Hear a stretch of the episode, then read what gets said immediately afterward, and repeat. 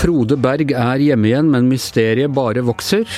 Og det er nye vitner, nye tweets, nytt raseri i høringene om hvorvidt Trump skal stilles for riksrett. Dette er Giæver og gjengen, og det er onsdag den 20. november. Ja, eh, Astrid Mæland. Eh, ja, Frode Berg kom hjem i helgen, men i går snakket han for første gang ordentlig til pressen. Stor pressekonferanse ute på eh, Gardermoen. Og en, en, sånn type ny, altså Pressekonferanser de kommer og går, men det der er en av de vi vil huske i lang tid framover, tror du ikke det? Ja, jeg ble kjempeoverraska over den pressekonferansen.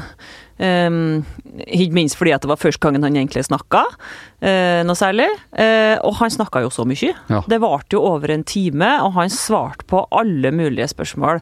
Um, og sa utrolig mye, rett og slett. Han snakka om at eh, Erna Solberg har vært superydmyk, at E-tjenestesjefen han skværa opp med, at FSB, altså russisk etterretning, har kontroll på hele Sør-Varanger og kjenner til omtrent alle norske etterretningsagenter som er og vet av. Det var nærmest hyggelig å være i avhør hos FSB, hadde jeg inntrykk av? Ja, FSB hadde ønska han velkommen tilbake, hvis han, eh, hvis han ville kommet tilbake til Russland.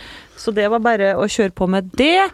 Um, og FSB har òg kontroll på hele den etterretningsoperasjonen som han sjøl eh, var en del av, sa Frode Berg helt fra starten av. Altså, og Hvis vi da skal tro uh, Frode Berg, og det vil vi jo gjerne, så har han da pga. han har hatt kontakt med Russland i mange år og, og jobbet med, rundt grensen og med grenseproblematikk, så har han blitt kontaktet av en uh, venn som man også vet har hatt tilknytning til etterretningstjenesten, militære etterretningstjenesten i, i Norge, såkalt E-tjenesten. Og denne vennen har bedt ham ta med noe, gjøre nærmest en vennetjeneste ved å ta med noe penger i konvolutt eh, til Russland. Og dette har han holdt på med en stund, flere år, var det det? Ja, det, han var fortalt at han ble kontakta av eh, han vennen i 2014, i alle fall en person han hadde tillit til som kom fra hans arbeidsmiljø, omtrent. Ja, altså hans utvide, da, sånn som Frode Berg sa det, kom fra, fra, samme område som Frode Berg, og som han kjente godt, og som, som, han sa ja, ok til. Ja, jeg skal ta med det her materialet som du vil at jeg skal ta med til Russland neste gang jeg fer dit, fordi jeg fer så ofte dit. Og eh, etter noen år så, så, begynner han å stille spørsmål hva er det egentlig jeg driver med, og når han sier dette til vennen, så blir han da satt under sterkt press. Og liksom nå må du være god nordmann og huske på at du er gammel offiser og alt for Norge og alt dette her, og du må ta med en konvolutt til. Og lot seg presse til det, og da gikk det gærent. I, altså, jeg har selvfølgelig som alle andre nordmenn voldsom sympati for Frode Berg, men det må jo være altså Jeg, skulle, jeg vet ikke om jeg har en så god venn jeg, som har gjort at jeg ville begynne å ta med øh, konvolutter med penger inn i Russland og overlevere til folk jeg ikke helt øh, vet hvem er. Er ikke det utrolig naivt? Uh, Ettertid, så... Særlig for en som da faktisk kjenner til kjenner både Russland og E-tjenesten og, og, den typen problematikk. Frode Berg sa jo en del kryptiske ting på pressekonferansen. Han sa at alle som kjenner meg og som kjenner min bakgrunn, skjønner nok uh, grunnen for at jeg har gjort det som jeg har gjort. Og det kan jo tolke på mange måter. Er det at han har jobba i nesten 30 år uh, i militæret, i Forsvaret, og ser behovet for etterretning? Det kan jo være at han eh, ikke skjønte hva som var, visste hva som var innholdet i brevet, men at han skjønte, skjønte, hva som egentlig foregikk, det, det syns jeg i hvert fall høres rart ut. for han sier jo det at han vennen jobba i E-tjenesten, og han sier jo at han leverte reiseregninger for å få dekka hotell og flyreise til Russland, som han fikk dekka av eh, vennen som jobba i E-tjenesten. Men ellers var han altså ikke betalt? Uh, han sa, Frodberg sa at han ikke har fått noe betalt for dette. Ja. Og øh, jeg må også innrømme at jeg var i tvil om dette virkelig var E-tjenesten, for det virket så øh, amatørmessig. Sende en, person som russerne så åpent åpenbart måtte vite, kjenne til og vite hvem var. Mm. Uh, Frode Berg svarte jo på det i går, og han, ja. fordi FSB har sagt at de har hatt den i, under overvåking siden 1992. Og det sa han at ja, det stemmer nok sikkert, fordi alle som jobber på Storskog eh, på grensa til Russland, ble sikkert registrert. Men Storskog kjenner vi jo til, der russerne slapp over alle var syrerne sykla over ja. for noen år siden. Ja. Der jobba altså Frode Berg i 26 år. Og det, det sa han, at det, vi blir sikkert eh, registrert og loggført, det, men han trodde ikke at han var overvåka på en annen måte i forbindelse med det her. Nei. Ja, du kan jo Jeg er ikke noe ekspert på etterretning, ja, altså, Anders, men vi kjenner jo til internasjonale historier og historier fra Etterretningstjenesten der de har brukt en del sånne eh, low level-folk, skulle du si. Altså vanlige folk som har en grunn for å reise. Sekretærer, vaktmestere. Det er jo åpenbart en, en, forbindelse til E-tjenesten, for E-tjenesten har jo nå tatt han inn. Og sjefen for E-tjenesten har sagt at de skal snakke mer sammen, og han antydet at det var snakk om kompensasjon, og, og det var ikke måte på. Dette har gitt oss et eh, riktignok ganske rart, men et innblikk i de hemmelige tjenestene som vi knapt har hatt før. Ja, det har aldri skjedd før i norsk etterretningshistorie som jeg kjenner til, at en, en slik eh, etterretningstilknytta person har blitt outa, at oss får vite om alt sammen, eller ikke alt sammen, men store deler av det i offentligheten, at en sitter fengsla i to år i, i, Russland. Så uansett hvordan du snur og vender på det, så er det jo en åpenbar eh, total mislykka etterretningsoperasjon. Og skal vi tro også denne situasjonsbeskrivelsen eller forståelsen eller sånn sånn, som har kommet, så er det også en full etterretningskrig i Kirkenes, så alle vet hvem som spiller på, på hvilke lag? Um, jeg oppfatta bare Kirkenes for noen uker siden i forbindelse med krigsfrigjøringsjubileet oppfatta at de het, eh, mange folk der har et sånn ambivalent forhold til etterretning. For det er jo mange som lever av det i, i, nord. Det er en viktig eksportartikkel for Norge. Vi spionerer for Nato, våre allierte. Uh, og alle er på en måte enige om at det må vi ha, og det, de krangler jo til og med om hva de skal ha de arbeidsplassene uh, hen. Samtidig så er de jo redd for forholdet sitt til Russland, som de samarbeider så mye med og handler med og har et nært forhold til, og er redd for at Russland skal bli sur på oss. Så derfor er de ambivalent. Um, og så er det klart at amerikanerne er jo en god del oppi der òg, da. Det er mye mystisk som skjer uh, på grensa der uh, i Vardø, Vadsø. Etterretnings... Uh, stor etterretningsfabrikk oppi der, og ja, mye overvåking. Men ja. Per Olav Ødegaard, du har jobbet med, med sikkerhetspolitikk på mange nivåer i, i, veldig mange år eh, her i VG. Du, kan du huske noe lignende historie, eller er det noe som kan minne om det? Nei, egentlig ikke, og i hvert fall ikke her i Norge. Um, vi vet jo veldig godt at spionasje foregår. Det gjør vi, det gjør de.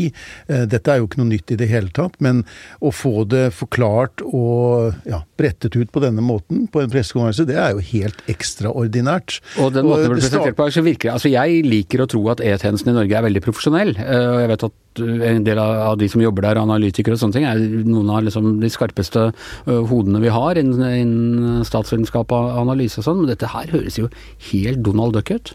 Det er, det, og det startet jo med at Berg sa selv at 'jeg er ingen agent, og jeg ble ikke vervet'. Og det, det, det, merket jeg meg, men så kommer det jo en historie da om det som etter alt å dømme var en, en vervingsforsøk, og, og, og, også at dette ble da gjennomført flere reiser eh, inn til eh, Russland. Eh, og at når den siste reisen da, inn ble foretatt, og det var så viktig å ta denne siste reisen, så kom det vel også da fram at den russiske etterretningstjenesten FSB åpenbart da hadde kjent til alt dette hele veien, og da antagelig formodentlig også visste at det var den siste planlagte reisen. Og da måtte han vel da arresteres, slik jeg forsto det. I, I, Dagens Næringsliv eh, forrige helg så var det et fascinerende, veldig langt intervju med ledelsen i E-tjenesten. De står, jeg tror det var første gang de har gitt den, den type intervju, i forbindelse med at eh, de nå forteller om seg selv i en bok. Litt mer åpenhet eh, rundt de hemmelige tjenestene. Eh, en slags glasnost, eh, hvis du vil. Og, og der, der, blir det jo Osman Kibar, som har skrevet det, spør dem om uh, Le Byrå, denne franske serien. Og de sier at ja, det er i grunnen veldig mye som Le Byrå, den måten vi jobber på. Og når jeg da tenker Le Byrå, da tenker jeg på han derre russeren, han derre røykende gamle krigsveteranen som styrer FSB i, i, denne serien. Og er det en sånn operasjon, er det en sånn fyr som nå har lurt Norge trill rundt og, og satt oss i forlegenhet for å få de hemmelige tjenestene i Norge til å se dårlig ut? Jeg ser jo for meg at på ambassaden, den store, store russiske ambassaden i Oslo i går, så satt ambassadøren og hans medhjelper og så på TV og åt popkorn og drakk vodka og var ganske fornøyd. Ja, de må ha vært kjempefornøyd. Mens Erna Solberg og han E-tjeneste tjenestsjefen i Norge, de satt kanskje på en helt annen plass og var ganske nervøse for hva han eh, Frode Berg skulle si, for han snakka jo om eh, alt mulig rart. Og det som er grunnen til at Erna Solberg og E-tjenestesjefen har vært så ydmyk i møte med Frode Berg, som han beskriver i hvert fall, er jo sikkert at de prøver å dempe konsekvensene av det her. De ønsker ikke å få problemer med nyrekrutteringa når de skal ha mer etterretning, som vi selvfølgelig må ha i Norge framover òg, sjøl om det her har gått galt. Men så den sammenligningen med Le Byrå er jeg helt enig i. Det som slo meg når jeg så, da jeg så Le Byrå, var jo hvor mye de egentlig befatt, lite de befatter seg med den virkelige verden. De driver egentlig stort sett og spionerer på seg sjøl. En slags evighetsmaskin der de drev med kontraspionasje nesten hele tida. Og slik er Frode Berg-saken. Det er slik at eh, Norge har trodd de har fått eh, viktig informasjon, ifølge Frode Berg, om Russland. Så har Russland bare gitt Norge bogus informasjon, eh, og så har de holdt på sånn i flere år. Ja. Rett ut av John Le Carré, men med litt mer Donald Duck-preg. Ja. Og så er det jo sånn at um, Dette er jo det som gjør Norge viktig også i Nato-sammenheng. Det at vi har et, vår, vår, felles grense med Russland i nord. Den overvåkning som Norge har med Russlands aktiviteter der. Og det er jo rent sånn fysisk i form av med, med fly og skip og ubåter og sånne ting. Men også den som, etterretningsvirksomheten som den, den, gjør jo Norge viktig og relevant i Nato. og Det er jo det som på en måte er også vår uh, en av våre garantier for at vi skal få hjelp hvis vi trenger det. Ja. Og så fikk vi hjelp av Nato til å frigi Frode Berg, presidenten i Litauen. Det var jo intervjua i VG i går, og han sa at han var veldig glad for å kunne hjelpe en alliert. Og dette var flott, og Norge har ikke bedt om noe motytelse, men det er slik vi gjør i en allianse. Men det, også, det er også eh, relativt sensasjonelt. Han Ola Kaldager, Uh, tidligere etterretningssjef for E14, uh, står fram i VG og også kritiserer Eh, sine tidligere kolleger eh, i E-tjenesten for, eh, for, hele behandlingen. Det er altså sånn du vanligvis ikke det, er mer sånn i politikken og næringslivet og sånne ting med, med tidligere sjefer som står fram og refser sine etterfølgere. Også temmelig uvanlig, problem. Ja, jeg syns det. Jeg tenker, men jeg tenker også på at selv om denne forklaringen i går og denne pressekonferansen var både lengre og mer omfattende enn jeg egentlig hadde forventet, så sitter man liksom igjen med veldig mange u... Jeg tror ikke vi har Nei. på noen måte hørt hele historien. Jeg føler flere spørsmål nå enn mange spørsmål, ja. Det var fortsatt veldig mange spørsmål. Eh, og liksom så, så, Og jeg vet ikke om vi noen gang får fullstendig svar på dette. Han har vel antydet at han skal skrive om det selv? Ja, men jeg vet ikke om han har alle svarene heller. Men uh, ja, vi får se. Spennende sak. Alt som er hemmelig uh, og sånn, har alltid fascinert kanskje journalister noe mer enn det fascinerer vanlige, vanlige lesere. Ja, vi har hatt et par dagers pause fra Donald Trumps impeachment-høringer i i eh, Kongressen, eh, men nå har det dratt seg til igjen, eh, Per Olav? Ja, det har jo vært, dette ble en veldig sånn intens uke da, med åpne høringer i Kongressen. Og det startet jo, har jo allerede startet i går med interessante vitnemål. I ettermiddag kveld så blir det svært interessant, tror jeg. Og så høre på Gordon Sonland, som da er um, Trumps um, ambassadør til EU. Eh, for han må vel sies å være en nøkkelfigur i dette her, Anders? Jo, ja. Han er jo, spennende. han er jo egentlig en sånn hotell... Han er sånn som den typen ambassadør vi av og til får til Norge også. Altså at jeg har vært en stor donor til uh, presidentkampanjen til Trump. Ble hotelleier, milliardær. Eh, og, og fikk EU-ambassadørposten, som jo er en ganske fjong stilling i diplomatiet, det må man si når du er liksom utsending fra USA til EU og kan sitte i Brussel og, og, ha det ganske fett. Men han har åpenbart da hva han har gjort borti Ukraina, eller hvilket mandat han har hatt der er litt uklart, men han har tydelig vært den som sammen med Rudi Guliani, som jo vi har snakket om tidligere, som spiller en mer uformell eh, rolle her. Privatpraktiserende utenriksminister, som du kalte ham her eh, i, forrige uke. Eh, så har han på en måte vært en slags mer offisiell figur, da, selv om det var andre yrkesdiplomater der. Og det er han man mener har han har for det første forandret forklaring flere ganger på hvorvidt Trump personlig pressa på for å få at ukrainerne skulle etterforsker Biden, og han er blitt overhørt i en telefonsamtale med Trump hvor Trump skal ha sagt at, uh, at, han blåser i alle de andre spørsmålene. Det er det som er Biden som er det viktige. Ja, og er, Han ble jo faktisk uh, Satt jo i sånne lukkede møter med etterretningskomiteen i Representantenes hus i syv timer, tror jeg, og forklarte seg om sin befatning med saken. Og så har det jo da kommet fram mange vitnemål etterpå som ikke er helt i samsvar med det Sondland sa i den, eh, i, i, i den utspørringen. Eh, og så har han da forandret på det etterpå på noen punkter. Så er det jo interessant hva som skjer under denne åpne høringen i dag. Fordi enten så må han på en måte stå ved det han har sagt, og beskytte sin sjef og oppdragsgiver Trump, eller så må han da um, svare på ganske tøffe spørsmål, tror jeg, fra demokratene om hvorfor hans vitnemål avviker så mye fra de andre som har forklart seg. Og Sondland han er det alle sånne nå markeringskåte politikere av type demokratene i Kongressen drømmer om. Han er et uprofesjonell fyr i denne greia. Alle tidligere som har forklart seg, det er profesjonelle diplomater, militære offiserer, sånne som virkelig kan gamet, kan spillet, vet hva de kan si, hva de ikke kan si. Mens han Sonland, han han er sånn som du kan fange i, at han motsier seg selv og sånn. Ja, for det, det, er vel det han kan gjøre her, er vel det at uh, her er på en måte den derre Hvis det er en sånn missing link her dette som uh, quid pro quo ble jo et sånt, har blitt et sånt noco for noco, som noco du kalte det i en kommentar ja. nylig. Uh, at, du, at du, du, mottar du, du, gjør noe for å oppnå en annen motytelse. I dette tilfellet skulle det, skulle det da være at um, man holdt tilbake militær støtte til Ukraina.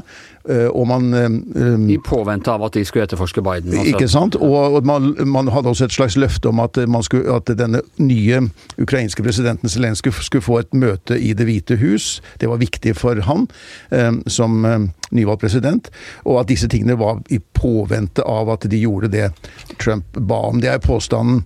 men, men nå har det jo blitt en sånn Trumps-kampanje har jo holdt på hele tiden nå, og Trump selv. Les utskriften av denne samtalen. Det er jo det som på en måte skal fri Hvis du leser den utskriften, og det har vi gjort så uh, flere ganger, så, så, går det jo klart fram at han ber Zelenskyj om å starte etterforskning mot Bidens og også denne Og jeg trenger en tjeneste, er jo det han sier. Ja, men det er ikke eh, det er ikke, det er ikke helt klart hva den motytelsen er. og, og det, det, sies ikke i den samtalen. så Sånn sett har han på en måte sitt ord i behold. Men Sondland er den mannen som kan på en måte bekrefte eller avkrefte dette. Det, det, det, er det som er det missing link der. Derfor tror jeg han blir viktig. Ja. Vi må bare ta ett ord også om uh, oberst Alexander Winman, som uh forklarte seg i går. Eh, høyt dekorert offiser. Eh, sønn av russiske flyktninger. Hele den amerikanske drømmen liksom i, i et nøtteskall, og liksom brystet fullt av krigsdekorasjoner og i det hele tatt. Og som da jobber i Det hvite hus med Ukraina-saker var vel til stede under den 25. Eh, juli-samtalen. Ja. Den ja. berømte samtalen. Ja, Som representant for Det nasjonale sikkerhetsrådet. Ja, og nå har han da fått hele Det hvite hus og hele Fox News Media ettersom Han fortalte veldig sånn klassisk amerikansk, litt gripende historie om seg selv og faren, og han henvendte seg direkte til faren og sånne ting eh, under høringen i går. Og snakket om, eh, om liksom at han gjorde pliktens gleder og osv. Så sånn. Og er, blir altså da hakk mat i det propagandamaskineriet, både fra Det hvite hus, ikke Trump personlig, tror jeg, men eh, men fra liksom Det hvite hus Twitter-konto, og ikke minst Fox News, hvor de holder på med at han nærmest har vært en spion inne i Det hvite hus, som har jobbet mot presidentens interesser. Ja, dette er en mann med, med krigserfaring fra Irak, annet. Han har gjort øh, en strålende militær karriere, og er jo da han kom til USA som treåring, ikke sant, og, er jo øh, amerikansk som du kan få bli. Men likevel så skal det trekkes tvil om dette her. Og det ble nevnt fordi at han ble... er da valgt av Trump og hans administrasjon til å jobbe i administrasjonen? Ikke? Ja, ja. Men, men ble han, han, ble jo spurt av en republikansk representant om han hadde fått uh, En gang hadde blitt spurt om han ville bli forsvarsminister i Ukraina. Og det hadde han selv tatt som en spøk, men han hadde likevel rapportert det inn til sine amerikanske overordnede at dette at at det spørsmålet var tatt opp. Eh, og det ble, har de brukt mot han. Og det ble tvitret fra Det hvite hus at tre ganger hadde han blitt spurt om å bli ukrainsk utenriks, eh, forsvarsminister, og at det skulle da på en måte gjøre at han ikke var at han var tvilsom, at han kunne jobbe for en annen part. At han ikke da var ordentlig amerikaner. Da. Det er, det er ingen nedre standard for eh, Fox News og, og, den gjengen der. Det blir altså spennende nå i, i ettermiddag kveld. Begynner om et par timer. Eh, godt mulig vi kommer tilbake til det i eh, eh, morgen også. Men Gjever og Gjevingen i dag er slutt. Det er Per Olav Ødegaard, Astrid Mæland og Anders Giæver i studio. Og vår faste føringsoffiser Magne Antonsen bak spaken.